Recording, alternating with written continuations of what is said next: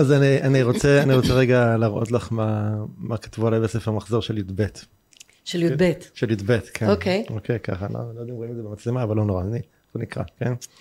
ערן, קודם גנון, אחר כך גן חובה, בית ספר, תיכון, צבא, אוניברסיטה, עבודה, דירה, חתונה, ילדים, מילואים, וכל פעם צ'קליסט כזה, אז מתי אני אספיק לעשות קצת חיים? זה אתה כתבת או כתבו עליך? כתבו עליי, שזה אה. די, שזה די מדהים, אני לא יודע מי כתב את זה, אני, אני ממש הייתי שמח אה, לגלות מי כתב את זה, כי הוא כנראה זיהה את הפוטנציאל, מה שנקרא.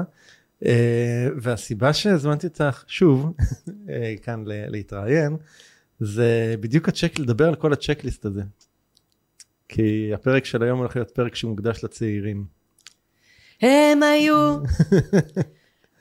מה דעתי על מה שכתוב כאן? שאנחנו כן. כולנו חונכנו ככה. נכון. אני חושבת שכשנולדנו דחפו לנו באוזן מין פתק כזה, כמו שדוחפים בכותל, עם רשימה מסודרת של צ'קליסט, ואולי הדבר היחידי שחסר פה זה טיול אחרי צבא, כי זה נהיה באיזשהו מקום זהו, מנדטורי. בצ'קליסט שלי זה לא היה, הוא בדיוק, הוא גם לא קרה שלך זה במציאות. לא היה, אבל היה מין צ'קליסט כזה, שזה אה, בעצם היה הציון, אם אתה מצליח או נכשל בחיים. Mm, נכון. וכמה שאתה עושה יותר סעיפים מהצ'קליסט ובצורה יותר טוטאלית, ככה אתה יותר מצליח.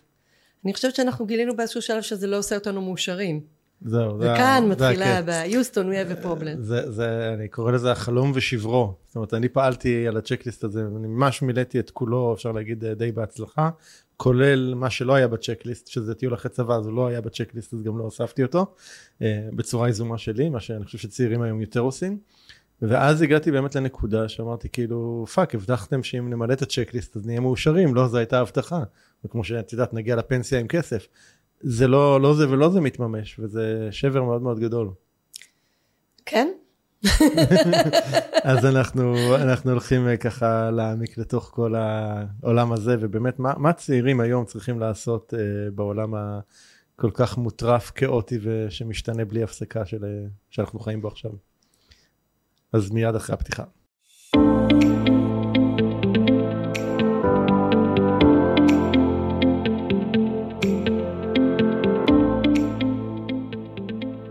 הדבר היחידי הקבוע הוא שינוי. ובכל זאת אנשים רבים חוששים ונמנעים מלעשות שינויים בחייהם. השינוי מוציא אותנו מחוץ לאזורי הנוחות ואל עבר חוסר הוודאות שלרוב מפחיד אותנו מאוד. ובכל זאת ישנם אנשים שמוכנים להתמסר לתהליכי השינוי, ולא רק לשנות, אלא בעיקר להשתנות, ולהמציא את עצמם שוב ושוב מחדש. בפודקאסט עושים שינוי, תוכלו לשמוע את האנשים שמשחקים all in ועושים את מה שצריך, במקום את מה שנוח, כדי לחיות חיים מלאים ובעלי משמעות. בכל שיחה אנו צוללים לעומק התהליכים הפנימיים שהם עוברים, הטריגרים שמפעילים אותם, הפחדים והחששות, ההצלחות, הכישלונות, הפעולות שהם עושים וההתפתחות שהם עוברים. בכל שבוע תוכלו לשמוע את ערן שטרן ברעיונות מרתקים ומעוררי השראה עם אנשים שהפכו את השינוי לדרך חיים. לפרקים נוספים בפודקאסט תיכנסו לאתר doingchange.co.il או חפשו עושים שינוי באפליקציות הפודקאסט המובילות iTunes, Spotify, Google Podcast ואחרות.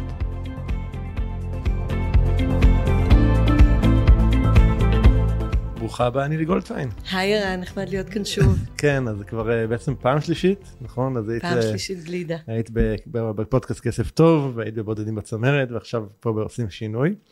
אה, אז שאלה שאני נוהג להתחיל איתה בפודקאסט הזה, זה מי זו נילי? היות וכבר טרחנתי למאזינים כן. שלך ללא הרף, אז אני אבחר לומר רק דבר אחד. אני מסוג האנשים שהיו להם המון רשימות של מה צריך לעשות בחיים בשביל להצליח ולהיות מאושרים, ואני שמחה לומר שבגיל אה, 50 בערך, אולי אה, איפשהו בין 37 ל-50, זרקתי את כל הרשימות. עשיתי חדשות כי התרגלתי לעשות רשימות, אבל אני כבר מבינה שאין קשר בין רשימות של צ'קליסט לאושר או הצלחה. כן, אז זאת נילי. אז זאת נילי. מעולה, אז, אז זה גם מאוד תואם את, ה, את ההזמנה שלי באמת אה, אלייך אה, לבוא לשיחה שלנו, היום, והרקע זה באמת, אה, שמעתי אותך מתראיינת בפודקאסט, אני חושב שזה היה אצל מתן. מתן, לא מכירה שדיבר- מתנים. לא, לא מתן, סליחה, על מקדשי השכל שדיברת. אה, אצל גיא קצוביץ'. אה, גיא, סליחה, נכון, נכון, גיא קצוביץ', בלבלתי עם פרק אחר. ודיברת שם על מקדשי השכל ועל ההסללות שאנחנו אה, ככה חיים בהם, וזה משהו שאני מוצא את עצמי גם אה, מאוד עוסק בו ב, בתקופה האחרונה, וגם בהרבה שיחות עם אה, חבר'ה צעירים שיצא לי, אז אני ככה מוצא את עצמי קצת על התפקיד של המטיף, כדי קצת לפתוח את החשיבה לכיוונים חדשים. וזה זה היה לי חיבור מעניין ואמרתי יאללה בואי נעשה על זה שיחה באמת אה, אה, נבין קצת אה, מה, מה מתוך כל הצ'קליסט הזה עוד אה, ולידי מה לא ועל הדרך אולי גם לשחוט כמה פרות קדושות ביחד. יאללה, נשמע מנגל. לי ממש כיף. אה, אז, אז הפרק הזה באמת מוקדש לחבר'ה לדור הצעיר שיוצא ככה לחיים ועושה את הבחירות שלו עכשיו ומתחילים. מתחילים. אז אני אזרוק ככה כל פעם איזשהו שורה מהצ'קליסט ו... ונראה לאן זה לוקח אותנו בסדר? טוב. אז, אה, אז אחד הסעיפים הראשונים בצ'קליסט זה כל מה שקשור לבית ספר תיכון אוניברסיטה. לימודים. אוקיי, בואו נתייחס לסיפור בתי הספר. כן. בתי הספר כמו שאנחנו מכירים אותם, הם בסך הכל בני מאה שנה. הם נוצרו בעידן המהפכה התעשייתית בגרמניה, אה, תחילת המאה העשרים, במקום ובזמן שמי שרצה את בתי הספר רצה להוציא משם שלוש אוכלוסיות.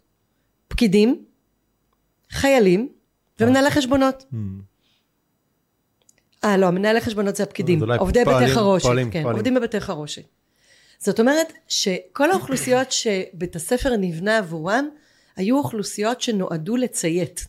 כן. ולא רק שהם נועדו לציית, הם נועדו להגיע למצב שאנשים פחות חושבים ויותר עושים מה שאומרים להם, וככל שהם יחשבו יותר, תהיה לנו יותר בעיה. מי שמכיר את הסרט זמנים מודרניים של צ'רלי צ'פלין, כן. זה הסיפור. והיות והיו שם הרבה מאוד אנשים שעברו מהכפרים לערים, וכן רצו השכלה, בתי הספר הלכו והתפתחו בכל העולם במובן הזה. הם לקחו אוכלוסיות, אני אקרא לזה היום מוחלשות, אבל אוכלוסיות בורות שאף לא ידעו קרוא וכתוב, ונתנו להם כל מיני כלים טובים לכשלעצמם, לקרוא ולכתוב כן, זה. לא מנהג חדש מאוד, אבל הוא גם לא ישן מאוד, וברוב הזמנים של המין האנושי, מי שכבר ידע לקרוא ולכתוב היו מאוד מועטים. ומטבע הדברים, אנשים שיודעים קרוא וכתוב, המשכילים יותר, יכולים יותר בקלות להגיע לשלטה, לשליטה, לשלטון. לפני כמה שנים שמעתי הרצאה של אה, פרופסור הודי שחוקר באוקספורד, קוראים לו סוגטה מיטרה, והוא מדבר על המהפכה התעשייתית ובתי הספר, והוא אומר, תקשיבו, היום בתי הספר, כפי שהם, לא מתאימים לאף אחד. ולא מתאימים לחברה שלנו. הם כן ולא- מתאימים להורים אבל כשצריכים בייביסיטר. הם לא מתאימים גם להורים. ההורים צריכים בייביסיטר, כן. אבל אפשר לעשות בייביסיטר בהרבה מאוד דרכים אחרות. כשיושבים 30-40 ילדים בכיתה, ולומדים את אותו הדבר, ויושבים על התחת, מה שנקרא היום ישבנות. יש לזה היום אה, ביטוי, ביטוי, אמיתי. כן? כן, כן, ישבנות. כן. כן, זה, זה ביטוי של מחלה ארגונית, שנוצרת בעקבות העובדה שאנחנו יושבים יותר מדי שעות, והיא הולכת ומתפתחת גם בגלל הבינה המלאכותית. אם מחשבים עושים את הכל במקומך או ביחד איתך, אתה לא עושה הרבה דברים חוץ מלשבת על התחת ולעבוד עם המחשב. אז סומת המיטרה אומר מה אנחנו מחפשים היום בארגונים. מחפשים יצירתיות, מחפשים חשיבה מחוץ לקופסה, מחפשים לקרוא תגר על המשמעות או על המציאות או על המוצר הקיים כדי לייצר משהו יותר טוב. את זה אי אפשר לקבל מפקידים כן. חיילים ועובדי בתי חרושת. ואז מגיע השיר האלמותי של פינק פלויד We don't need no education. כן, אני לא חושב שיש מישהו שלא גדל על השיר הזה. ברור. כן. עכשיו, זה נכון שהורים צריכים בייביסיטר, אבל זה לא בטוח שהם צריכים מישהו שיקח להם את הילדים, ידפוק להם את המוח, ויהפוך אותם לסטנדרט, שזה מה שרואים בקליפ של We don't need את no. יודעת, זה מזכיר לי שהבן האמצעי שלי, ניר, היום הוא בן 21, אבל כשהוא היה בן 6, אספת הורים ראשונה בבית ספר, המורה יושבת מולנו, וככה סוקרת את הישגיו הלימודיים, כאילו, אם יש כאלה בגיל 6, ואז היא אומרת את המשפט האלמותי, אבל יש בעיה עם הילד. שאלנו אותה, מה הבעיה עם הילד? והיא אמרה, הוא חולמני. כי הוא לא מקשיב לי כמו שיהיה, את יודעת, ילד ממוצע בכיתה א' ממוצע צריך להקשיב למורה ממוצעת. אז uh, כמובן שלא אמרנו לילד שום דבר, הילד החולמני זה אגב עיצב את האולפן המדהים הזה שאת יושבת פה, זה החולמנות שלו עיצבה את הדבר היפה הזה. Uh, גם את האתר שלי הוא עיצב, אם יצא לך לראות את האתר החדש, זאת אומרת, ילד מאוד מאוד יצירתי. וכשילדים כאלה מגיעים לבית ספר, אז אומרים להם שהם צריכים uh, לעזוב, להפסיק לחלום, להפסיק לדמיין, ולהתחיל לשנן חומר, כי יש מבחן ועליו הם מקבלים ציון, ואוי ואבוי, אוי ואבוי, אם ייחשלו. I rest my case. כן. אז בתי הספר היום לא מתאימים. יש יותר ויותר הורים שמקימים קהילות שיוצרים אופציות ויש יותר ויותר מוסדות מחוץ למשרד החינוך שמחפש איך להיכנס לבתי הספר ולהיטיב עם כל האקוסיסטם. כן. עם ההורים שלא ידפקו להם את הילדים, עם הילדים שלא ידפקו את הילדים ועם המורים שלא יהיו אומללים כל כך. כן. קראתי פעם בפייסבוק איזה פוסט שמישהו אמר, במקום לתת לי ל-30 ילדים בכיתה ריטלין, בואו ניתן למורה MD, נחסוך מלא כסף. אז בתי הספר של היום הם על הפנים, כמעט בכל וריאציה לנושא. יש בתי ספר חלופיים, אה, דמוקרטיים ואנתרופוסופיים וכל מיני וכל מיני. ויש יותר ויותר התארגנויות של הורים שעושים מה שנקרא home כן, schooling. חינוך ביתי. וכל זאת למה? כי הילדים מפתחים הרבה מאוד סוגים של הפרעות בבתי הספר. ילד חולמני, שהוא יצירתי בטירוף, זה יכול להיות אחלה בחלה, מעצב פנים, מעצב תוכנת מחשב, מעצב אה, כבישים, מעצב חללים, או הוגה את האפל הבא, סטיב ג'ובס הבא. יכול להיות מאוד שפספסנו, לא כאלה. יכול להיות, די בטוח. בוודאות, פספסנו מלא כאלה, כי הכניסו אותנו לכיתות של הרבה מאוד אנשים וביקשו מאיתנו להיות סטנדרט. כן. אז uh, הדבר הראשון שמדברים בבתי הספר, לא מתאימים לעולם החדש, לא מתאימים כמעט לאף ילד, אולי מתאימים להורים בתור בייביסיטר, אבל לא בתוך משהו שעוזר לילד, להורים לחנך, להעצים או להכין את הדור הבא לעולם התעסוקה. אני חושב בקיצור- שיותר מזה, הוא גם גורם נזקים שאחר כך צריך, להת... שאותם הורים צריכים להתמודד איתם, אוקיי? הרבה ילדים, הרבה עניינים של משמעת, ושל חוסר, נכון. של חוסר התאמה, ושל, אה, את יודעת, אה, אה, אה, אני חושב שחלק, אבל בעיניי עוד יותר אה, עצוב בכל הדבר הזה, זה באמת העניין הזה של הצייתנות. זאת אומרת, אה, הבתי ספר בעיקר מחנכים אותנו להיות מאוד מאוד מאוד צייתנים, ואנחנו רואים את זה היום בעולם בצורה מאוד מאוד קיצונית, ראינו את זה בקורונה, איך מיליונים צייתו לכל מיני תקנות לא חוקיות, לא דמוקרטיות, לא הגיוניות על פי כל קנה מידה, אבל פשוט כי, כי חונכנו לציית. ואני חושב שזה באמת מקום שמסרס את כל החשיבה החופשית ואת כל ה... ועצמאות וחופש מחשבתי, אני חושב ששם שם נגרמים נזקים אה, עצומים. בלתי הפיכים. בלתי הפיכים. אז אני חושבת שאם אנחנו מדברים על הדור הצעיר, שזה ילדים שכבר היו במערכת, כן. אין, לי, אין לי מה להגיד, אני גם לא יכולה להאשים אותם. כך נראית המערכת וכך נראים רוב ההורים. הילדים שלי בבית ספר דמוקרטי היו רוב אה, ימיהם, ובדיאלוג שלי עם אמהות חברות שמאוד הצעתי להם לשלוח את הילדים לבתי ספר דמוקרטי, הם אמרו זה לילדים מופרעים שלא אוהבים ללמוד. ואני מסתכלת עכשיו ברטרוספקטיבה. לא, השאלה אם יש ילדים שאוהבים ללמוד. כאילו, יש ילדים ש- שאוהבים לא, שאלה ללמוד. מה, לא, ללמוד בבית ספר, זו אה, הכוונה. הילדים שלי מאוד מאוד אוהבים את בית הספר שלהם. כן, זהו. מאוד אוהבים את שזה הספר די שלהם. נדיר. וכשסיפרתי לאימהות, החברות, שהילדים שלי אוהבים ללמוד, אמרו לי אין דבר כזה. וכשאמרתי להם, ובכל זאת, הם אמרו, אם זה ככה, כנראה שיש בבית הספר בעיה, כי הילדים לא מצייתים. זה- זה מזכיר לי, אה, את מכירה מן הסתם אולי את אה, תוכנית מיכאל בבית הספר. בוודאי. כן.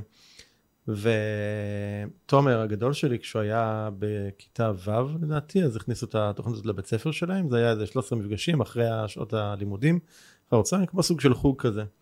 והוא מאוד מאוד אהב את זה, הוא לא פספס אף מפגש. וכשהסתיימה התוכנית נתנו להם למלא משובים, ואז כמה ימים אחרי זה אני מקבל טלפון מהמדריך, של, מהמדריך שלו במיכאל, ואומר לי, תקשיב, התקשרתי אליך כי הייתי חייב לספר לך מה תומר כתב במשוב. הוא כתב שמה, הלוואי וכל המורים בבית, וכל השיעורים בבית ספר היו כל כך מעניינים כמו בתוכנית מיכאל. אוקיי, זה היה אז ילד בגיל 12 ש... שהבין הבין את המערכת, אז קורה. בוא, בוא נגיד פרקטית, לילדים שהם כבר פליטים של מערכת. החינוך אה, הישראלית, והם בגיל 21-22 ומחפשים את המשך דרכם, קודם כל להיות מודעים לזה שהמערכת היא לא האמת האבסולוטית. כן. המערכת הכניסה להם הרבה מאוד אה, דעות קדומות על עצמם, על איך נראה העולם, על איך נראה עולם העבודה, על איך נראה עולם הלמידה, שהן פרדיגמות שאינן נכונות, שאינן נכונות. ועל כן הייתי מאוד מציעה להטיל אה, ספק ולקרוא תגר על מה אמרו לי מי אני, או מה אני יכולה ולא יכולה, או על מה נכון לי או לא נכון לי ועל מה טוב לי או לא טוב לי. אה, ואם כן רוצים להמשיך ללמוד ולחפש מסגרות שבאמת עושים משהו שמעניין, להשתדל שזה לא יהיו בהכרח המסגרות שעדיין תובעות צייתנות. כן, בדיוק. אבל אז אנחנו, אה, אה, אבל את יודעת, חלק מהצייתנות הזאת, אני יכול רגע, אני אקח את זה גם, את יודעת, אני אקח את זה רגע אישית שלי, היא נובעת לא רק מבתי ספר, היא, היא גם מהבית. זאת אומרת, אה, מבחינתי בבית אני למדתי שחינוך זה דבר מאוד מאוד חשוב. אתן לך רגע דוגמה, לפני, אה, לפני כמה שבועות, אה, תומר הבן שלי ראיין כאן את אימא שלי. היא עוד חודש, היא בסוף החודש בת, בת 90. וואו. כן, ועושה איתה, ראיין אותה כמו פרק פודקאסט, ואחת השאלות שהוא שאל אותה, זה מה לדעתך עושה אותנו מאושרים? את יודעת מה הייתה התשובה שלה? מה? חינוך זה מאוד חשוב. עכשיו, גדול. עכשיו זה לא סתם נאמר שם זה היה גם מסר עבורם את יודעת שני ילדים שלי בחרו שלא כרגע לפחות לא לא ללכת לשום כיוון של אוניברסיטה מבחינת אימא שלי זה זה די אסון כאילו התפיסה הזאתי. אמ, אז אני חושב שהרבה גם מתוך בית אנחנו בגלל שגם אנחנו חונכנו במערכת של צייתנות. אמ, אז זה לא רק מה, מהמורים ובית הספר גם הרבה פעמים מהבית אנחנו מקבלים את התפיסות האלה ש, שחייבים ללכת לבית ספר ואוי ואבוי אם ניכשל במבחן ו- ומה יקרה אם אה, לא, לא נהיה כמו כולם זאת אומרת יש כאן אה, הבעיה היא יותר דרמטית. הבעיה יותר דרמטית מבתי הספר היא בעיה חברתית כן. וגם בגלל זה משרד החינוך נראה כמו משרד החינוך הוא חלק מסיסטם אנחנו כולנו חלק מסיסטם ועדיין אם אני מסתכלת על שנות ה-60 בארצות הברית בתקופת מלחמת וייטנאם על כל הדורות של ההיפים הרי מה הם עשו? מי היו רוב ההיפים? רוב ההיפים היו ילדים מבתים טובים שקראו תגר על הסיסטם כן. והצליחו להגיע להרבה מאוד שינויים בחברה כי הם קראו תגר על הסיסטם.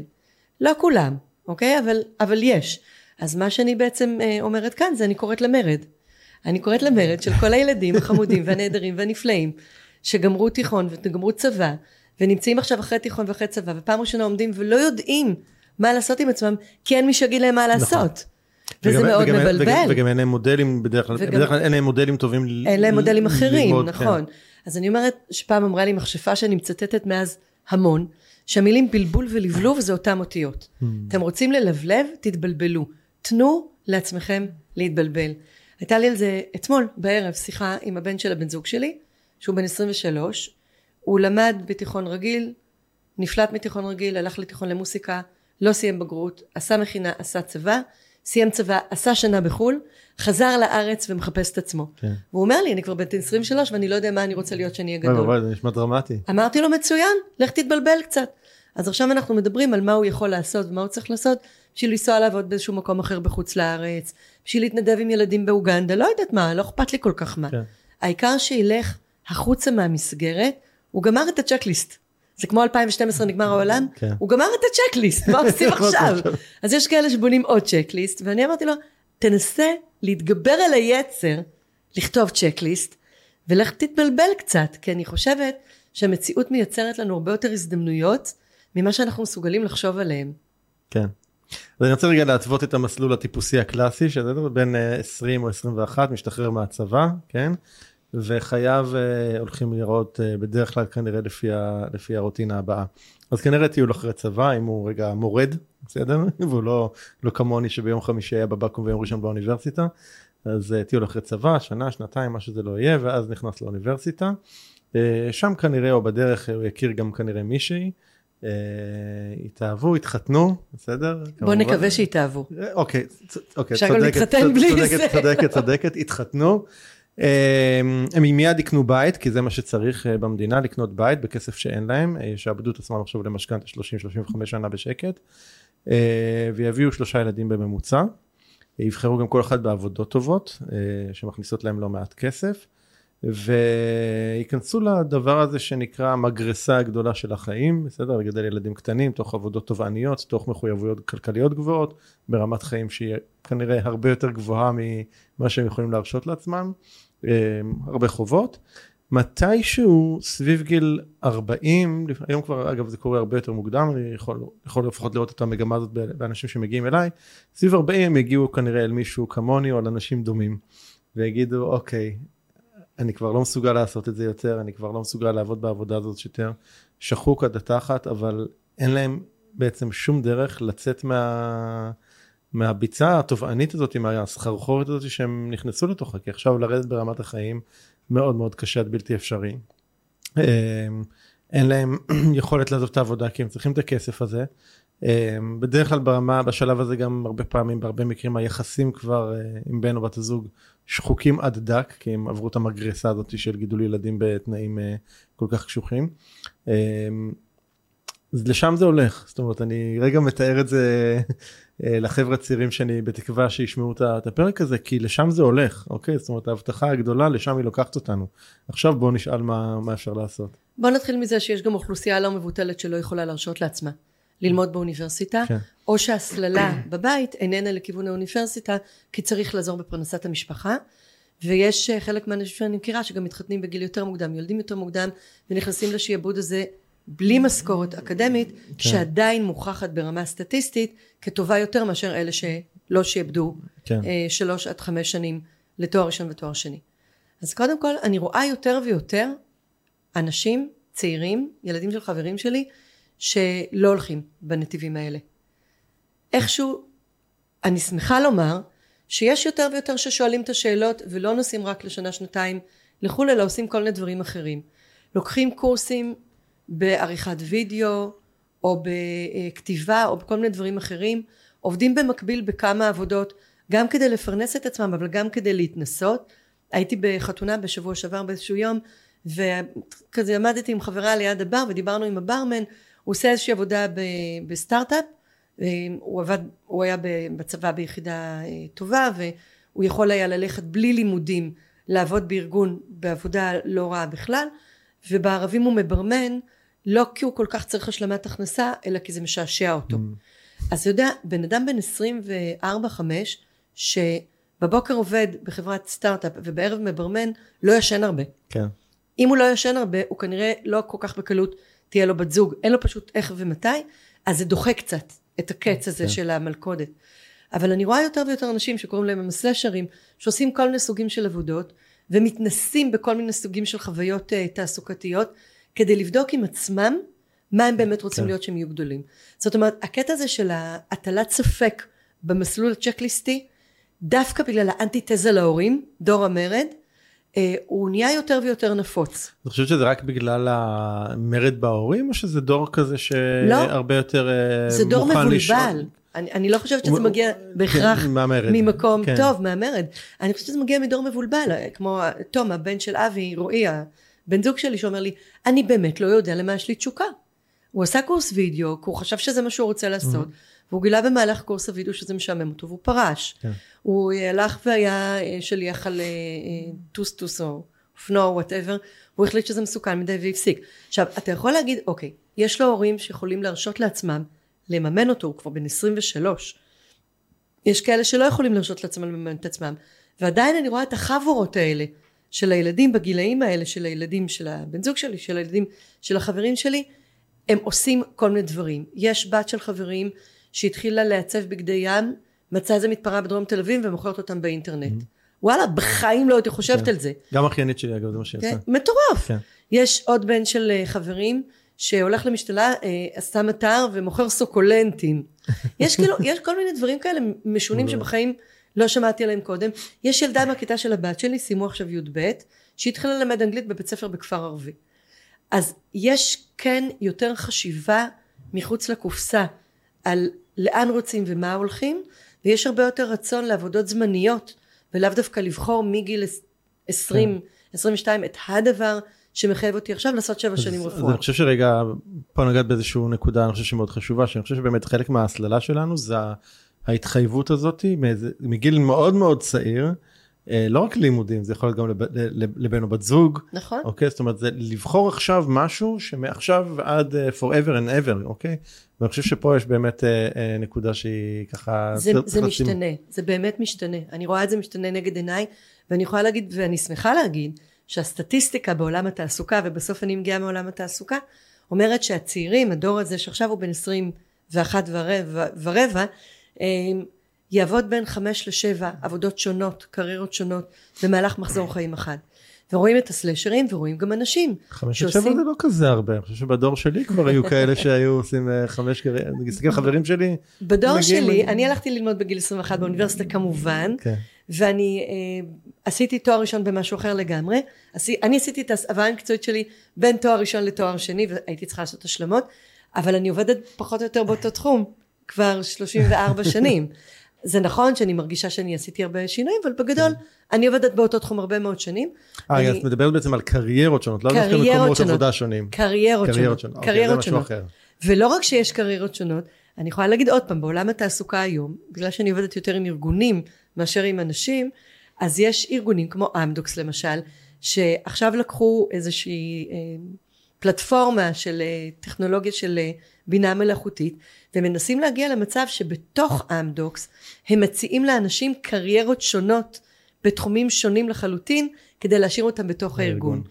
שזה אומר שכספים יכול לעבור לשיווק ושיווק למשאבי אנוש ומשאבי אנוש לתוכנה ותוכנה לניהול פרויקטים כן. וניהול פרויקטים לניהול מוצר ו ו ו ו ו כי אנחנו עוברים לארגונים שהם מבוססי אה, מיומנויות מה שנקרא skills and capabilities כן. זאת אומרת שארגונים מבינים שאנשים טובים יעבדו בתחומים שונים בחיים שלהם כי כולנו אנשים אינטליגנטים ומרובי ממדים כן. ועובדה שאנשים צעירים אחרי הצבא לא בוחרים מקצוע מוסד לימודים אישה או גבר וקריירה לכל החיים או אישה לכל החיים זה בעיניי מצוין ואגב גיל הנישואים עולה כל הזמן גם כן. לגברים וגם לנשים שזה זה, אני חושב שזה מבורך שזה סבבה כן. תהיה מגובש לפני שאתה בוחר בן או בת זוג. לגמרי. וסליחה שאני אומרת את זה ככה אני לא מעודדת גירושים לאף אחד. יכול להיווצר מצב שאיפשהו במהלך החיים בין פעם לפעמיים לשבע אם הולכים לכוכבים של הוליווד אתה כל כך משתנה או את כל כך משתנה שבן או בת הזוג כבר לא מתאים. שבן או בת הזוג כבר לא יכולים ללכת איתך באותו נתיב ואז אתה כמוני מתחתן פעם שלישית תכף נדבר על זה, זה, אחד האייטמים בצ'קליסט, טיפה ככה נגעת בו, אבל אני רק רוצה רגע לסגור את העניין הלימודים שנייה. אבל את אמרת פה משהו שהוא משפט שאני חושב שהוא מאוד חשוב, ואני רוצה רגע לזרקר אותו, לשים עליו זרקור, שמיומנויות חשובות יותר מידע. אני חושב שזה משהו שאני לגמרי מאוד מאמין בו, אני, כשאתה אומר אה, היה בן 21 אז השתחרר אה, מהצבא הייתה לנו כזאת שיחה על העתיד. ואת יודעת לימודים מבחינתו לא היה לפרק הוא אמר לי אני לא רואה את עצמי הולך עכשיו אה, לשרוף 4-5 שנים באוניברסיטה במשהו שכדי לעבוד בקובייה ובמשרד עבור מישהו. ואני חושב שלימודים זה משהו שאם יש לך תשוקה לזה וזה מעניין אותך וואלה אחלה. אבל אה, ללכת ללמוד סתם הנדסה או משהו כזה כי אה, זה יאפשר לך לעבוד בהייטק ותרוויח הרבה כסף זה נראה לי כאילו בחירה מאוד מאוד מאוד גם קשה. גם אוניברסיטה כבר לא שווה חינוך גבוה ויש לזה אוטונומיה. כאילו, אני למדתי באוניברסיטה ובחלק גדול מהלימודים מאוד מאוד נהניתי, בעיקר מתואר ראשון שלמדתי היסטוריה של עם ישראל וחינוך. אה, לא משהו פרקטי במיוחד. לא משהו פרקטי בעליל, אבל נורא נורא רציתי ובאמת מאוד מאוד נהניתי מזה. ואז הלכתי ללמוד משהו פרקטי, כי כאילו ברחתי מהצ'קליסט, חזרתי לצ'קליסט. וכמה נהנית מהלימודים הפרקטיים? מחלק כן, מחלק לא, נורא תלוי כן. באמת במורה. הנושאים כולם היו מעניינים, אבל מי שמלמד זה מאוד מאוד עושה הבדל. אבל היום אני רואה כל כך הרבה מסגרות אחרות ללימודים. אני מסתכלת מסביב גם דרך הילדים שלי שהם בני 16 ו-18, הם רוצים ללמוד משהו, יש הרבה דרכים אחרות. הבן שלי סיים עכשיו י', למד פיזיקה במכון ויצמן, למד אוריינות אקדמית באוניברסיטה הפתוחה. יש שם כל כך הרבה מקומות אחרים ומסגרות אחרות ללמוד. הבת שלי לקחה חוץ, חוג צילום מחוץ לאוניברסיטה, הם שניהם למדו תולדות יפן ושחמט מחוץ למוסדות האקדמיים אקדמיים, לא, תיכון יש כאילו משהו בתעודה האקדמית שנוכל ככה להדביק אותה על הקיר, שכאילו זה, את יודעת, חלומה של כל אם עברייה. זה חלומה של כל אם עברייה ולא בהחלט של כן. כל ילדה עברייה. ובשבוע שעבר דיברתי עם חבר'ה הודים מקסימים, שהקימו אה, אתר מקוון באינטרנט שנקרא אמריטוס דוט קום, שמציעים לימודים מקוונים של כל האוניברסיטאות המובילות בעולם, in a nutshell, בתקצור תקצורי. אז אני אומרת, יש היום, העולם מלא, מלא, מלא. באופציות לימודיות מעניינות, חכמות. אני רואה אה, בתי ספר לאימון ולגישור ולמנהל כן. עסקים כן. ולצילום ולעריכה וכל דבר שאתה רוצה ללמוד, יש מסגרות חוץ אקדמאיות. אז למה ללכת דווקא לאוניברסיטה ולדפוק את המוח? אפשר לעשות את זה אחרת. אז אני ככה נסגור רגע את העניין של הלימודים אני אתחבר אה, כאן למשהו ששלחת לי ככה לקראת השיחה שלנו שזה היה הנאום האלמותי של סטיב ג'ובס מי שלא מכיר בסטנפורד נשים אולי גם קישור ב... מי שלא מכיר בעיניי, נאום חובה. נאום חובה. חובה. לגמרי, לגמרי, לגמרי. תשים, תשים קישור. אני אשים קישור, וזה נאום אה, מ-2005 אם אני לא טועה, והוא אה, מדבר שם, הוא אומר כאילו בפני הבוגרים, והוא נותן שם שלושה סיפורי חיים.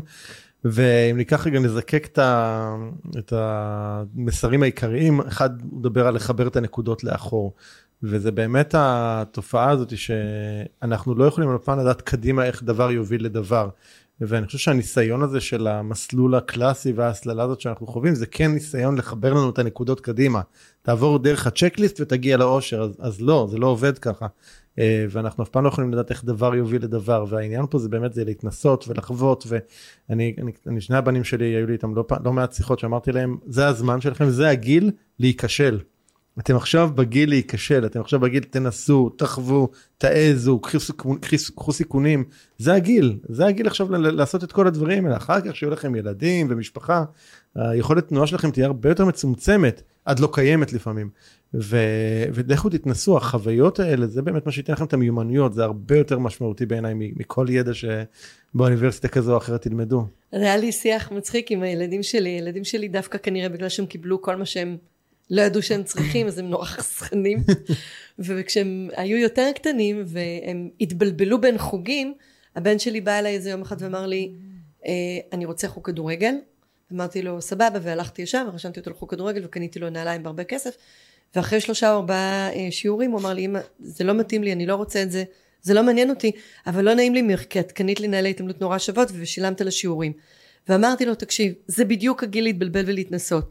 אז הוא הלך לכדורסל והוא הלך לשחייה והוא הלך לג'ודו והוא הלך, ל... הוא הלך לכל מיני, אני כבר לא זוכרת אפילו, אה, RD&D, RD&D או איך שקוראים, Airbnb, קורס, איך קוראים לזה, הקורס הזה שעושים קרבות דמיוניים אה, של מדע בדיוני? D&D, D&D, כן, Dungeons and Dragons, כן, כן, ובת שלי הלכה לגלישה והלכה לצילום, וכל פעם שהם באו ואמרו לי, אמא, זה לא מתאים לנו, אנחנו רוצים משהו אחר, אני אמרתי, מצוין, תנסו את הכל ובסוף תמצאו את מה שמוצא כן. חן ביניכם וכל אחד מהם מצא משהו אחר. וגם מה שמוצא בעיניכם היום כנראה ישתנה לאורך, נכון. ה... לאורך השנים וזה בסדר זאת אומרת לא צריך להתחתן פה עם שום, נכון, עם שום אופציה. אבל הבת שלי למשל היום היא לא עושה שום, שום דבר כי היא למדה בשנתיים האחרונות בבית ספר בינלאומי ולא היה להם זמן כל כך לשום תחביבים היא פשוט למדה נורא נורא קשה והבן שלי קיבל חגורה שחורה לפני שבוע. הוא בן 16 הוא מהצעירים בשיטה ever כי הוא כל, ניסה, חזר לאומנות לחימה, ניסה, חזר לאומנות לחימה, ובסופו של דבר, באיזה גיל 12-13, הוא אמר, אמא, זה מה שאני אוהב, זה מה שאני רוצה לעשות, ואז הוא התמיד. אבל מגיל 3 עד גיל 12-13, אה, הוא עבר בערך כל חוג שאפשר אה, הקילומטראז' המרובע מסביב לבית. אז אני אומרת, בקטע הזה של אה, תחביבים, בקטע הזה של תחומי דעת, כדאי ורצוי להתבלבל כבר קודם. כן, היה עדיף. להתבלבל, לנסות, לטעות, לקום, להמשיך, אבל בגיל 20, 21, 22, 23, כאילו, הגילאים האלה של אחרי השירות הצבאי בישראל, אני כרגע מדברת רק על ישראל, לנסוע בעולם, ללכת לעבוד אפילו במלצרות או בברמניות באוסטרליה, כן. או ללכת למכור uh, תמונות ביפן או בעגלות גלידה בטקסס, כאילו חקלאות, באם, לא יודעת, לא משנה, בכלל לא משנה. ניסיון וחוויה, וניסיון הרבה וחוויה. הרבה יותר חשוב מידע. ולפתוח את הראש, ולצאת מהביצה שנקראת מדינת ישראל, להכיר אנשים מתרבויות אחרות, ולראות איך נראים עמים אחרים, ולהתנסות בדברים שלא ניסיתי בהם קודם, גם אם אחרי שלושה שבועות אתה אומר, אתה יודע מה? לא מתאים לי. סבבה, נקסט. אז נראה לי שאפשר לעבור אה, מהלימודים לשורה הבאה ב checklist. נראה לי שכל ההורים שמקשיבים לנו, אם יהיו הורים שמקשיבים לנו, יחפשו איפה אני גרה וישימו לי רימון מתחת לאוטו. אנחנו אולי נשים... אני אה, אוהבת את כולם, הכל בסדר. אולי נשים אה, איזשהו disclaimer בתחילת הפרק, שזה הולך להיות פרק מטרגר קצת לחלק מהאנשים. כן. אז אז הנקודה הבאה ב checklist עשינו אוניברסיטה, הנקודה הבאה ב checklist זה כבר חתונה. חתונה, ילדים. Hmm. יש הבדל בין חתונה לילדים, בוא נפריד. כן, ברור. אוקיי? בוא נפריד, בוא נדבר חתונה. בוא נתחיל מחתונה. כן. כל הנשים הצעירות והמהממות שמקשיבות לי, לא להתחתן ברבנות. לא להתחתן ברבנות. לא, הבנתם. אה, יש בישראל הרבה מאוד אה, לחץ שהוא עדיין נובע מהעובדה שהחברה שלנו היא מסורתית ושמרנית ופטריארכלית במידה רבה אה, להינשא בעיקר על נשים. אישה שאין לה גבר שידאג לה נחשבת לרווקה זקנה כן. בגיל 26 גבר שלא מתחתן ומתרבה יכול לחשב אה, כבעייתי בגיל קצת יותר מאוחר ולא הרבה יותר בוא נאמר 28-30 הגרייס של האימהות הפולניות היהודיות והמרוקאיות וכן הלאה. אימהות באשר הן. אימהות באשר הן לפחות אם הן יהודיות. אבל גם הלא יהודיות, אני רואה שבחברה הערבית זה לא שונה בהרבה. ואני לחלוטין בעד אהבה. לחלוטין בעד אהבה, אני הכי בעד אהבה. אבל חתונה ואהבה זה לאו דווקא אותו דבר. חתונה ואהבה זה לאו דווקא אותו דבר. כן. לאהוב בן או בת או בן או בן או בת או בת זוג, לאהוב נשמה, שאתה מחליט לעשות איתה כברת דרך בחיים, בעיניי זה הדבר הכי מרים, הכי מקסים והכי נהדר, אם אתה מחליט שאתה רוצה בזה. זה לא מתאים לכל אחד וזה לא מתאים בכל זמן. ולא כל אהבה נראית אותו דבר. כן. נישואים במדינה שלנו הם בעייתיים כי הם גוררים הרבה מאוד קשיים לאחר מכן אם אתה או את מחליטים שכרגע סיימנו את הפרק בחיים איתך או איתך ואנחנו רוצים להמשיך הלאה. אני תמיד ממליצה גם לעצמי וגם לאחרים וזה ברור שזה לא קל כשמסיימים פרק לסיים אותו יפה זה פשוט bad קרמה לסיים את זה לא יפה אם אנחנו מתחתנים בכל מקום בעולם כולל קפריסין כולל ב City Hall בניו יורק ורוצים להתגרש בארץ אנחנו צריכים לעבור דרך הרבנות. אנשים לא תמיד יודעים את זה. ולעבור דרך הרבנות זה לא נעים בעיקר אם את אישה. כי הרבנות מטבעה היא מוסד פטריארכלי מאוד אה, ארכאי שפולש למרחב האנרגטי הנשי בצורה לא תמיד נאותה ושוויונית וגורם להרבה מאוד תקלות. למשל אם הגבר איננו מעוניין לשחרר את האישה כן. מה שקוראים עגונות ויש עם זה הרבה מאוד סיפורים לא נעימים במדינת ישראל. אז אני חושבת שלאהוב זה מקסים להמשיך ביחד זה נהדר כל עוד זה מתאים לשני הצדדים. להינשא בטקס קבל אלוהים וחברה זה נהדר. לא חייבים לעשות את זה בצורה שנקבעה מזמן אני חושב שמשהו שככה נגענו בו קודם ואפשר להגיד עוד פעם זה שוב זה יש לנו את יודעת אני חושב שחלק מההסללה והחינוך זה גם אה, את יודעת כל התכנים שמקיפים אותנו. אז כל הרומנים הרומנטיים וכל הסרטים ההוליוודים כולם באים עם ההבטחה הזאת של happily ever after. ואנחנו אני חושב שהרבה נכנסים באמת לתוך ה...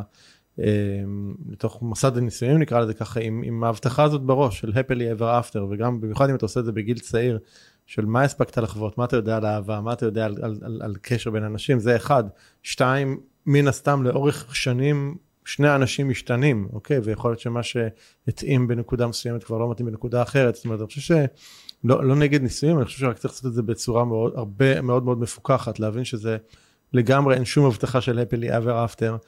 אמ, כן להסתכל בצורה מפוקחת גם על יכול להיות שיהיה יום אחרי ומה יקרה שמה ואז כל מה שדיברת על רבנות ויכול להיות שבמקרים מסוימים זה הסכמי ממון או כל מיני דברים תלוי באיזה מצבים נמצאים ו- וכל מיני החלטות גם שלוקחים לאורך החיים ביחד אה, צריכות להיגזר מתוך ההבנה הזאת ש... שאין כאן happily ever after. אולי ו... יש. יכול להיות שיש. לא, אולי ש... יש. לא, כן, אבל את יודעת, בכל זאת מסתכלת על הסטטיסטיקה במדינת ישראל של סטטיסטיקה בצד החילוני 50 אחוז, אם מוסיפים לסטטיסטיקה הזאת חרדים ואוכלוסייה ערבית, אנחנו מגיעים ל-33 אחוז שליש. זאת אומרת, אחת לשתיים או אחת לשלוש סיכוי ש, שמתגרשים, זה אחוזים הם, אה, הם אחוזים הם נגדנו מלכתחילה.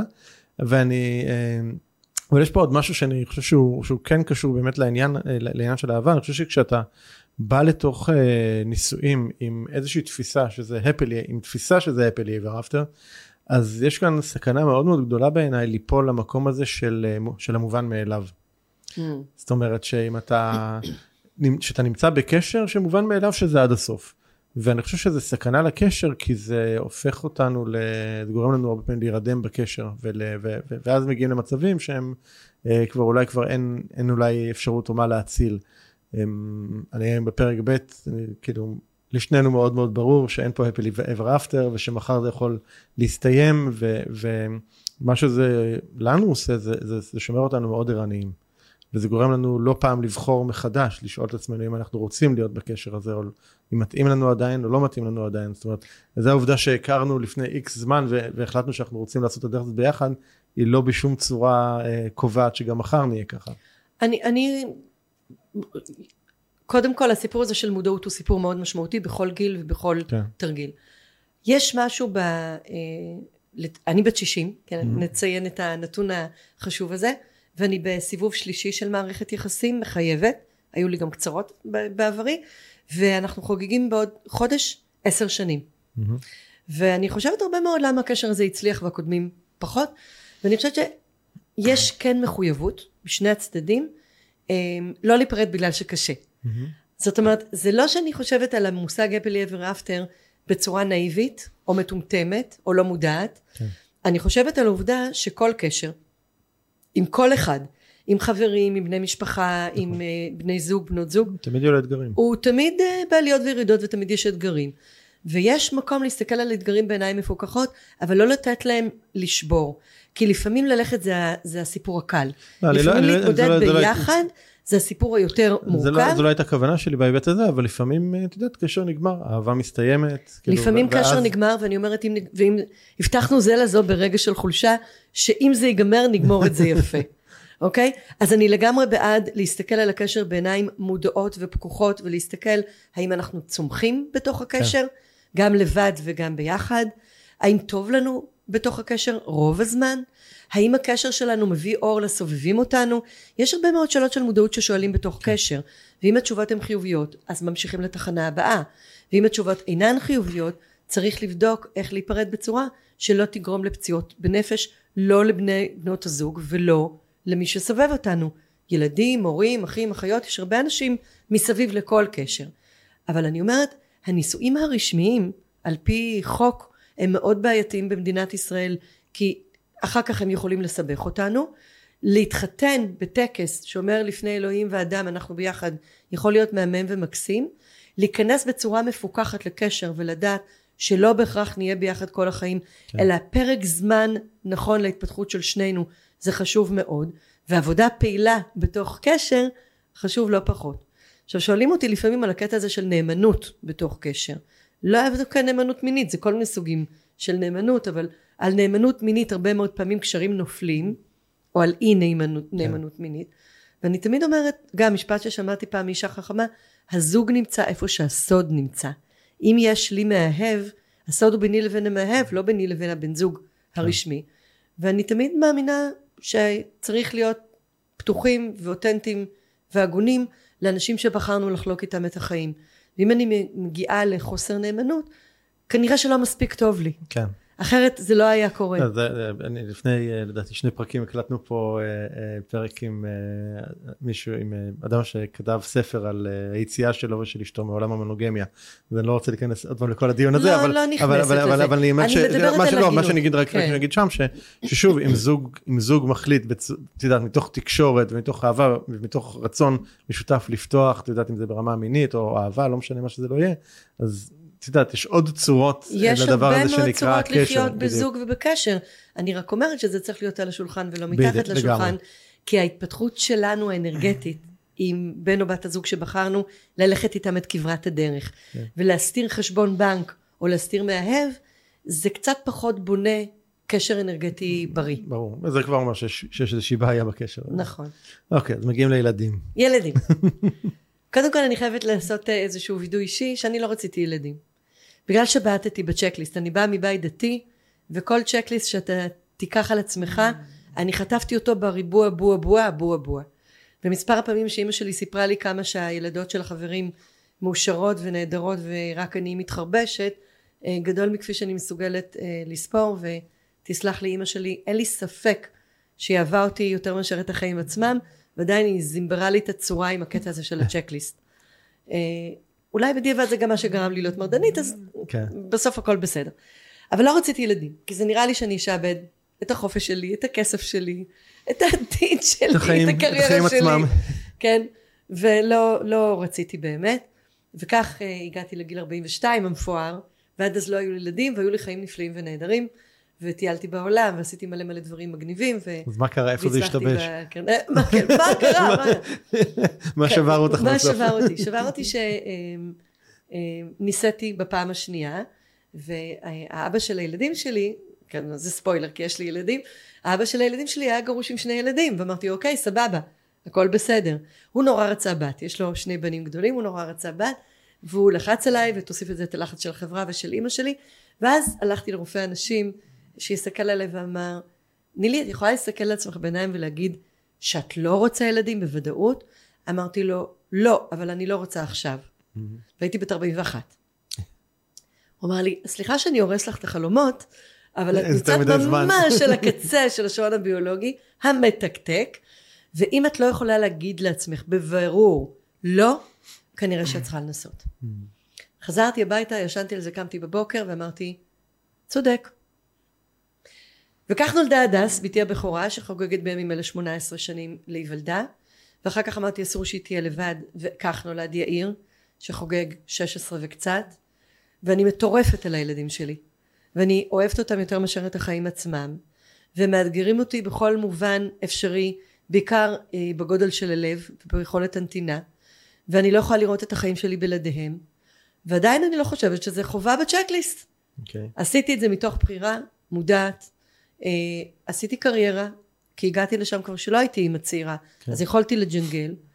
אה, ויש לנו משפחה מורכבת מאוד כי כולם גם אני וגם אבא שלהם וגם בת הזוג של אבא שלהם וגם בן הזוג שלי כולם גרושים וגם אח שלי. ולא משנה לאן אנחנו הולכים כולם אה, כולם עם מורכבויות של אחים חצי אחים שליש אחים וכאלה. אה, וכולם מסתכלים על המערכות יחסים המורכבות דרך הפרספקטיבה של האם זה תורם לי כן. והאם אני אוהב או אוהבת אז הכל בסדר. לא חייבים לעשות ילדים. אפשר לעשות אותם מאוחר. אפשר לעשות אותם בלי קשר לבן או בת הזוג. אפשר להיות חד הוריים יש לי שני חברים אה, הומוסקסואלים שנשואים כבר 17 שנה.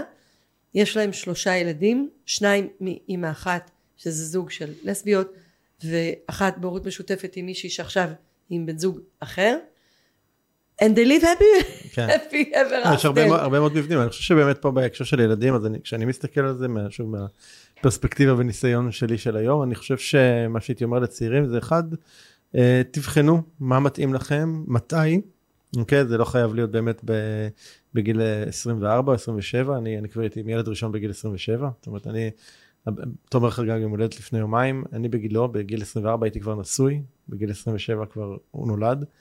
אה, בדיעבד אני חושב שעבורי זה היה מוקדם מדי, אה, להיות אבא בגיל הזה. אה, אבל אז לא שאלתי שאלות, כי זה מה שהיה צריך, זאת אומרת, ראיתי את המסלול גם, את יודעת מה שראיתי שאחיי התוו לפניי, והיה נורא ברור מה כן. אני צריך לעשות. אז אני חושב שלשאול את השאלה של מתי זה מתאים לי ומתי זה נכון לי, ואיך איך אני עם הדבר הזה. וגם אני הייתי נמנע מהגדרות אה, ראשוניות של אני עכשיו רוצה איקס ילדים, לא משנה מה האיקס הזה. אני אומר בוא תעשה ילד. תעשה ילד, גדל אותו שנה, שנתיים, שלוש, תרגיש את הדבר הזה, ואז תבחן האם אתה רוצה עוד וכמה.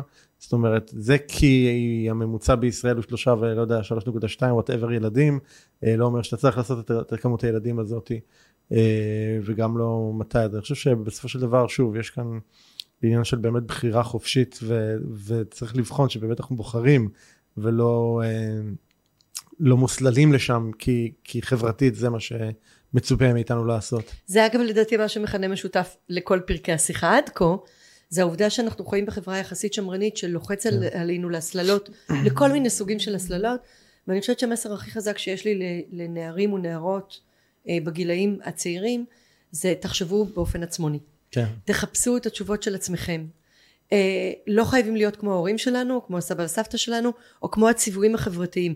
הציוויים החברתיים נועדו לשרת איזשהו סוג של סדר שגורם לממשלות ולתאגידים לשלוט בצייתנות ב-workforce. ואני חושבת שאחד הדברים הטובים והיפים שדור ה-Z ודור האלפא מלמדים אותנו זה שיש איזושהי התעוררות שאומרת אנחנו רוצים ליצור ואנחנו רוצים לעבוד וברור שאנחנו רוצים לחיות בחברה מתוקנת אבל אנחנו לא רוצים שמישהו יגיד לנו איך זה נראה ובטח כן. שלא ינצל אותנו לטובתו הוא כן. ומה שאנחנו רואים היום בהרבה מאוד מקומות בעולם זה דור שלם שאומר מה שאומר השיר של ביונסה היא הוציאה שיר קליפ מאוד מעניין ביולי בשנה שעברה ב-2022 You don't break my soul. You don't break my soul. שיר נהדר גם שווה לדעתי לשים אוקיי, בכישורים אבדוק. בפודקאסט. והיא אומרת בדיוק את מה שאומרים בתחום ההתפטרות השקטה שזה תופעה מאוד גדולה בכל העולם שהיא לא הפסיקה. חשבו שזה היה בגלל הקורונה והיא לא הפסיקה שעשרות מיליוני אנשים מתפטרים מהעבודה שלהם בלי שיש להם עבודה אחרת סתם בשביל לחפש את עצמם או לחפש משהו אחר שבא להם לעשות אז הסיפור הזה של ההתפטרות השקטה לי נותן תקווה שהדור הצעיר הזה מקשיב למה שאמרתי עכשיו והוא לא בהכרח הולך למקומות של ההסללה אלא אומר רגע אני צריך לחשוב בעצמי מה לי עושה טוב מה לי נכון איך העולם צריך לא להיראות כי אמרו לי או לא כי לא כי ראיתי לי, דוגמה מה- נכון. ממישהו אחר. נכון אז יש התעוררות פלנטרית משמחת לב אנוש אה, יאללה כן ירבו טוב, תחנה הבאה זה בית משכנתה.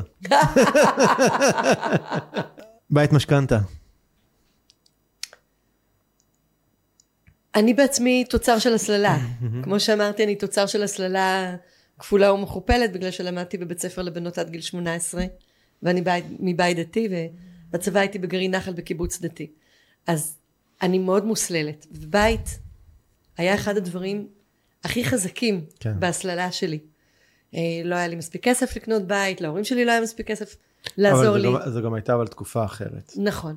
נכון. אז, אז לקנות בית היה הרבה יותר ריאלי והרבה יותר סביר. ועדיין אני קניתי בית כשהייתי בת 35 או בת 36, אה, כשהמדינה התייאשה שאני אתחתן ונתנה לי משכנתה בתנאים מועדפים, כמו שנותנים לזוגות אה, צעירים מגילי כן. 20 מוקדמים, אין לי מושג איך זה עכשיו, אבל כשקניתי את הדירה הראשונה שלי, אני התפוצצתי משביעות רצון וגאווה, כאילו, אני לא יודעת מה, הרגשתי שזה הישג אה, מטורף, כי נורא רציתי בית משלי, היה לי קטע מאוד mm. חזק עם הסיפור הזה של בית, ואני מודה שזה אחד הסעיפים של ההסללה שעבדו עליי הכי, הכי חזק, אני חושבת שעובדים עליי אפילו עד היום. כן.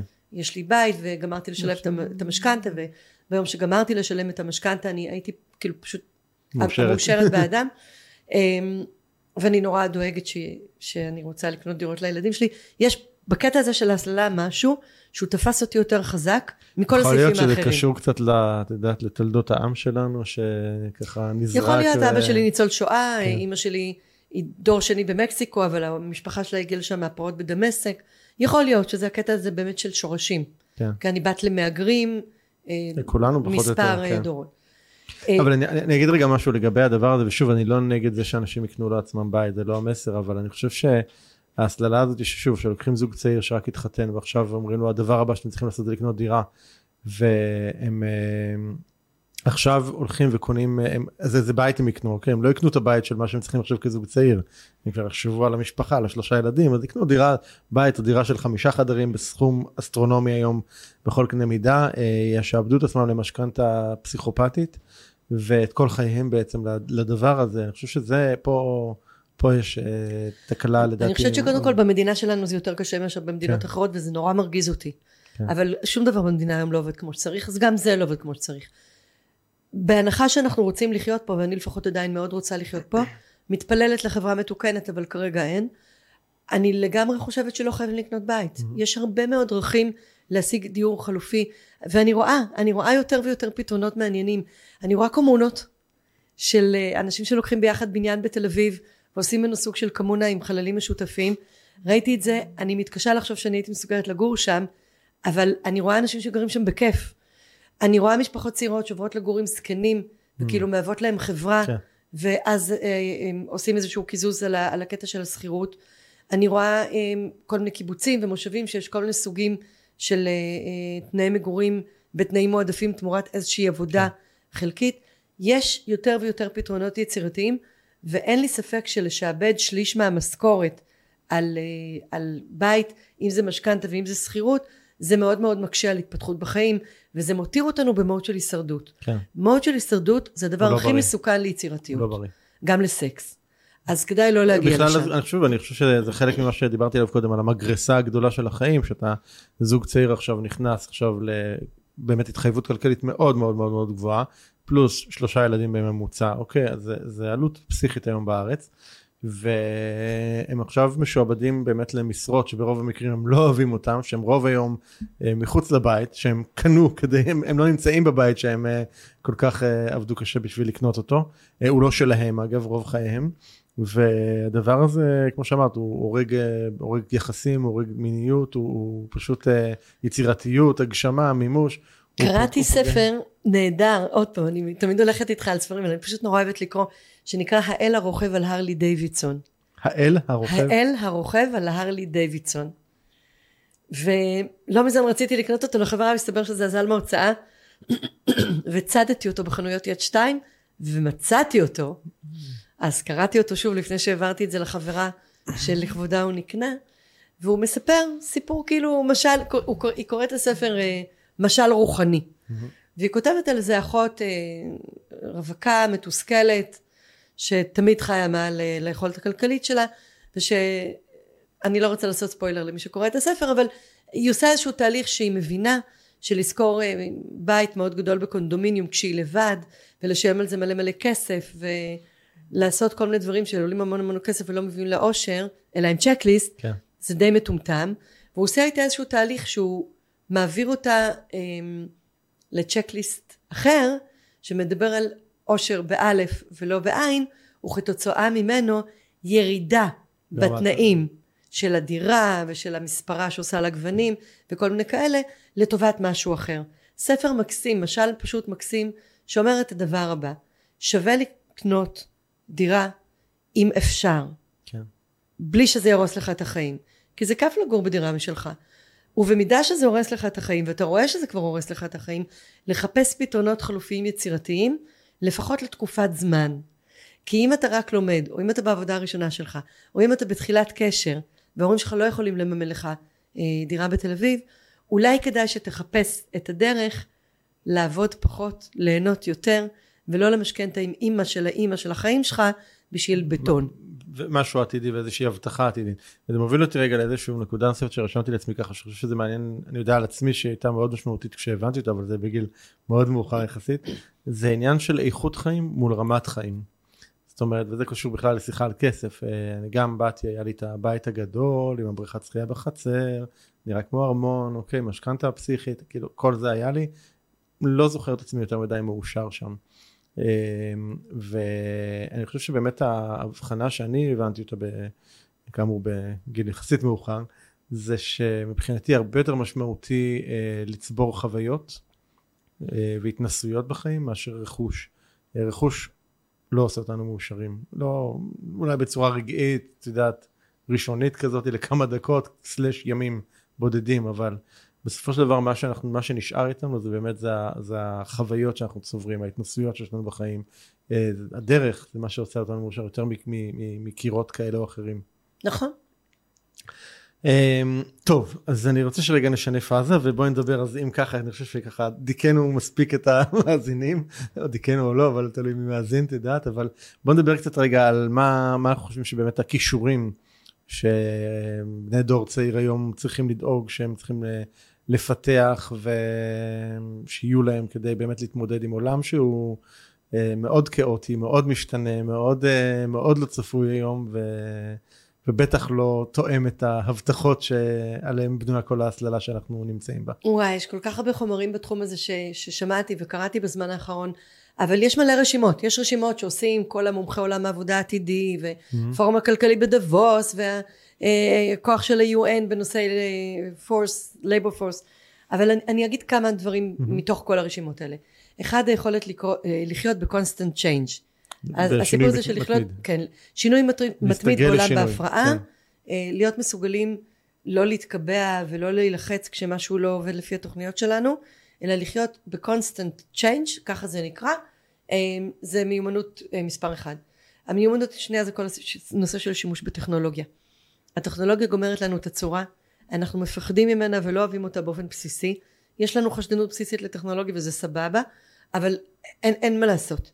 הסיפור הזה של טכנולוגיה הוא חייב להיות משהו שאנחנו לומדים לחיות איתו בהרמוניה, כי העולם הולך ונהיה יותר ויותר טכנולוגי.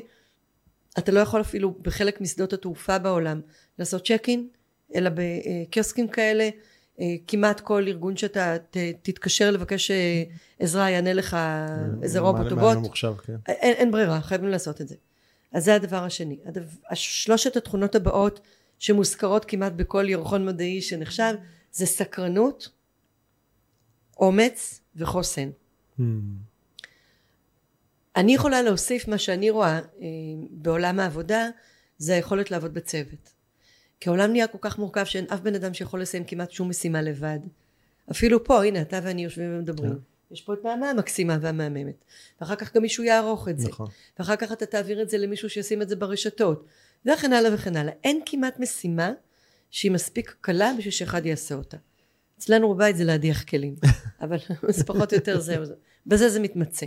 אז היכולת לעבודה בצוות, או קוראים לזה היום אה, ניהול שותפויות, זה אה, אה, דבר נוסף. כל הדברים האלה לא מלמדים בבית ספר. כן. את הכל, כולל הכל. לא מלמדים את זה בבית ספר. אז כדאי ללמוד את זה במקומות אחרים.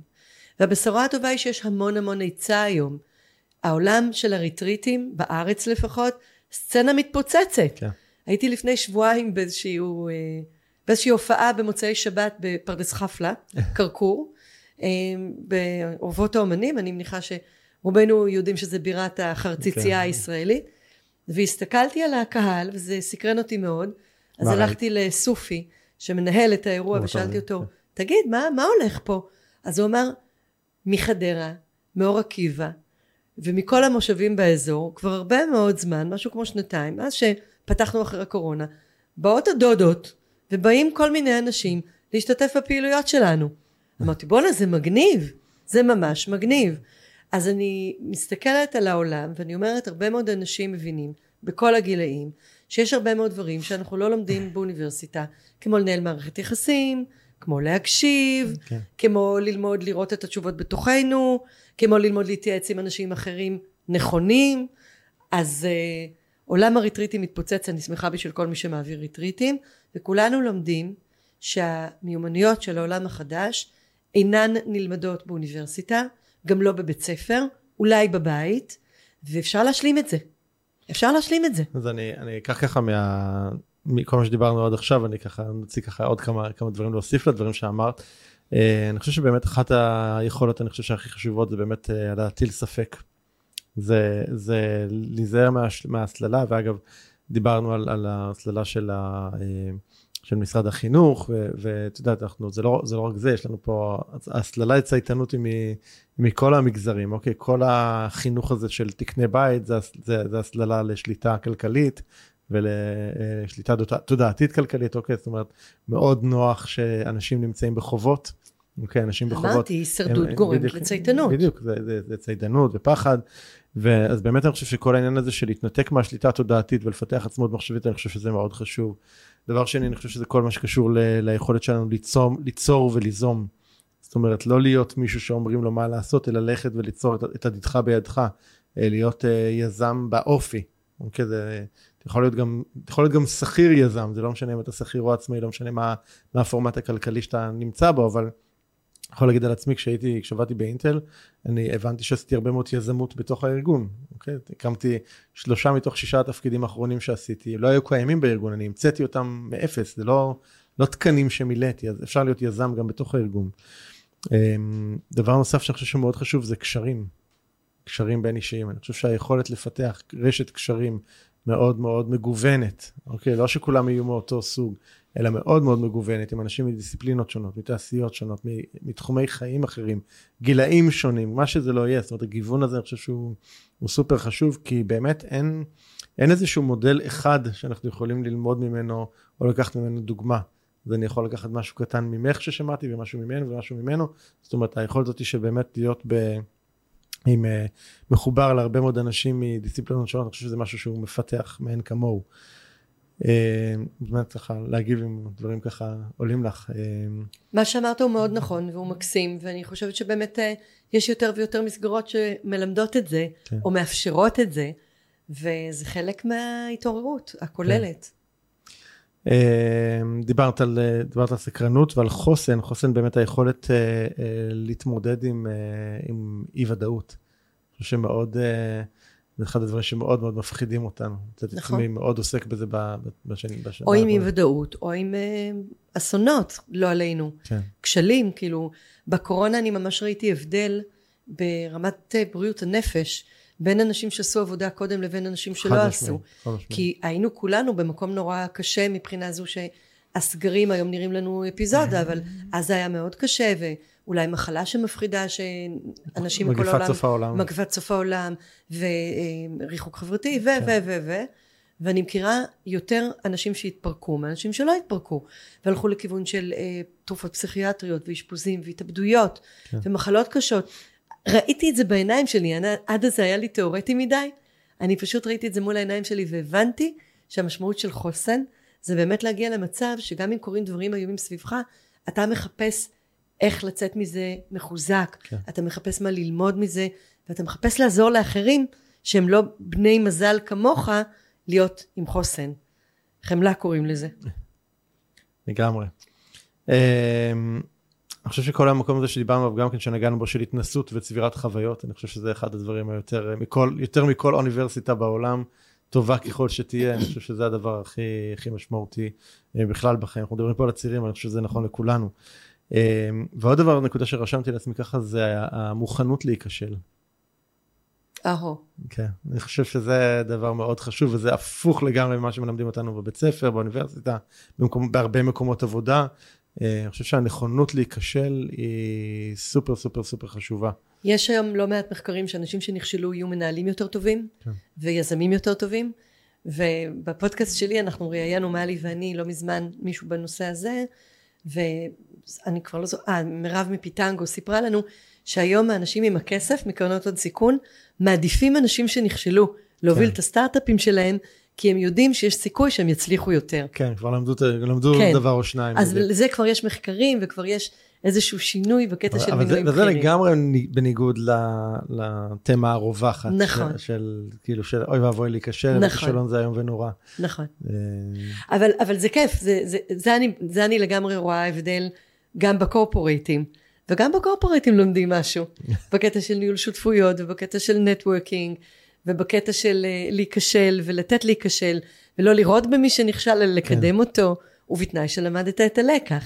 להיכשל סתם בשביל הכיף. ברור. פחות. לא, לא, אני לא חושב שזה, המסר כאן זה לא, אה, זה לא שהכישלון הוא המטרה, אבל לא לפחד ממנו. את יודעת, באחד, בתוכנית הקודמת שלי בעושים שינוי, אחד הדברים שהייתי שהיינו עושים עם, ה, עם המשתתפים זה שבאופן מובנה במהלך השמונה חודשים שהיו בדרך היו כל מיני משימות שידענו שהם ייכשלו בהם. וזה היה מכוון ומתוכנן כי רצינו לתת להם את החוויה הזאת שלא הרבה אנשים מוכנים לקבל אותה של להיכשל ואז לקום לנער את האבק לראות שוואלה העולם לא נפל ולא התמוטט ואני בסדר ואני יכול להכיל את הדבר הזה. אני חושב שהמוכנות הזאת של באמת אה, לדעת שלא כל דבר מובטח ולא כל, והצלחה היא לא מובטחת והיא לא בכיס שלי ועדיין להמשיך ולעשות את הדברים, קראת לזה אומץ, אני חושב שזו יכולת סופר קריטית, אה, בטח בעולם של היום. אמ, טוב, עוד ככה דברים שעלו לך שהדור הצעיר הזה כדאי שידעו? יש לי חבר שהמשפט הבסיסי שהוא מסיים איתי כל, כל שיחה זה, החיים יפים, הכל בסדר, okay. אוקיי. מותר ליהנות. כן. חושב שזה משפט של אה, ניסים ממון, אם אני לא טועה.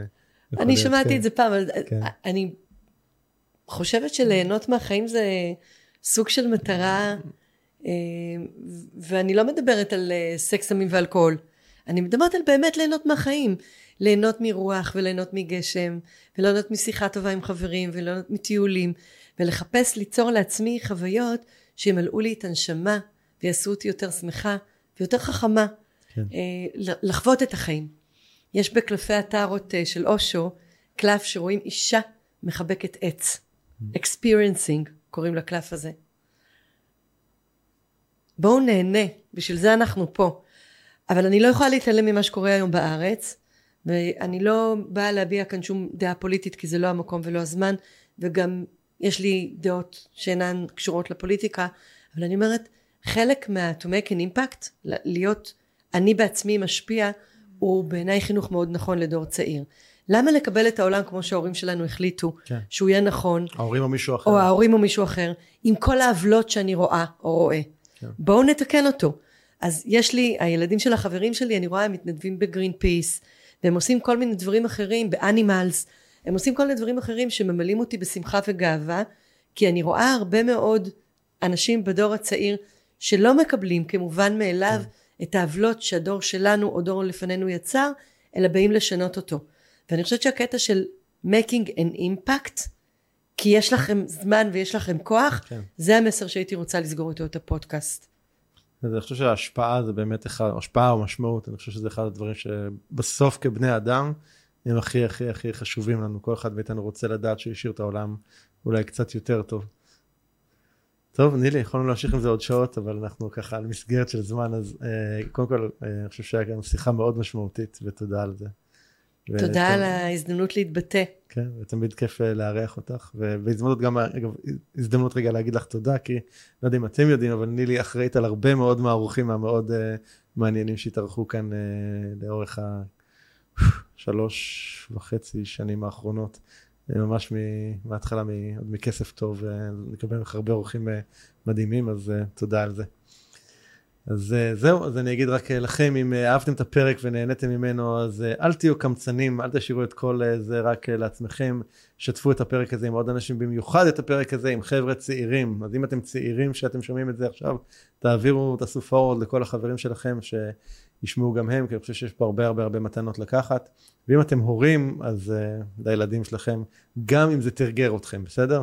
אז זה דבר אחד. דבר שני, אה, אם, אם אהבתם, אז אה, נשמח שתדרגו אותנו, כנסו לאפליקציה שאתם מקשיבים דרכה, ואני מאוד מקווה שהרווחנו לפחות חמישה כוכבים מכם. אז זהו להיום, תודה רבה נילי. להתראות. להתראות. זהו, עד כאן לפרק של היום. אם אהבתם את הפרק, אל תשכחו לדרג את הפודקאסט ב iTunes, Spotify, Google Podcast, SoundCloud, YouTube או בכל פלטפורמה אחרת שדרכה אתם מאזינים לנו כרגע. תוכלו למצוא אותו באתר הפודקאסט doingchange.co.il את כל הקישורים הרלוונטיים לפרק הזה. שם גם תוכלו להירשם לפודקאסט ואנו נשלח לכם תזכורת בכל פעם שאנחנו מעלים פרק חדש. נרשמים באתר doingchange.co.il אני מזמין אתכם לכתוב לי תגובות, מה אהבתם, את מי תרצו לשמוע בפרקים הבאים, או כל הערה והערה אחרת שיש לכם. אתם מוזמנים לשלוח לי ישירות למייל feedback at ערנסטרן.co.il או בפייסבוק שלי facebook.com/ערנfanpage. אם אהבתם את הפרק הזה, אל תשאירו את כל הטוב הזה רק לעצמכם. בטוח שיש לכם חברים שרוצים גם הם לעבור שינוי.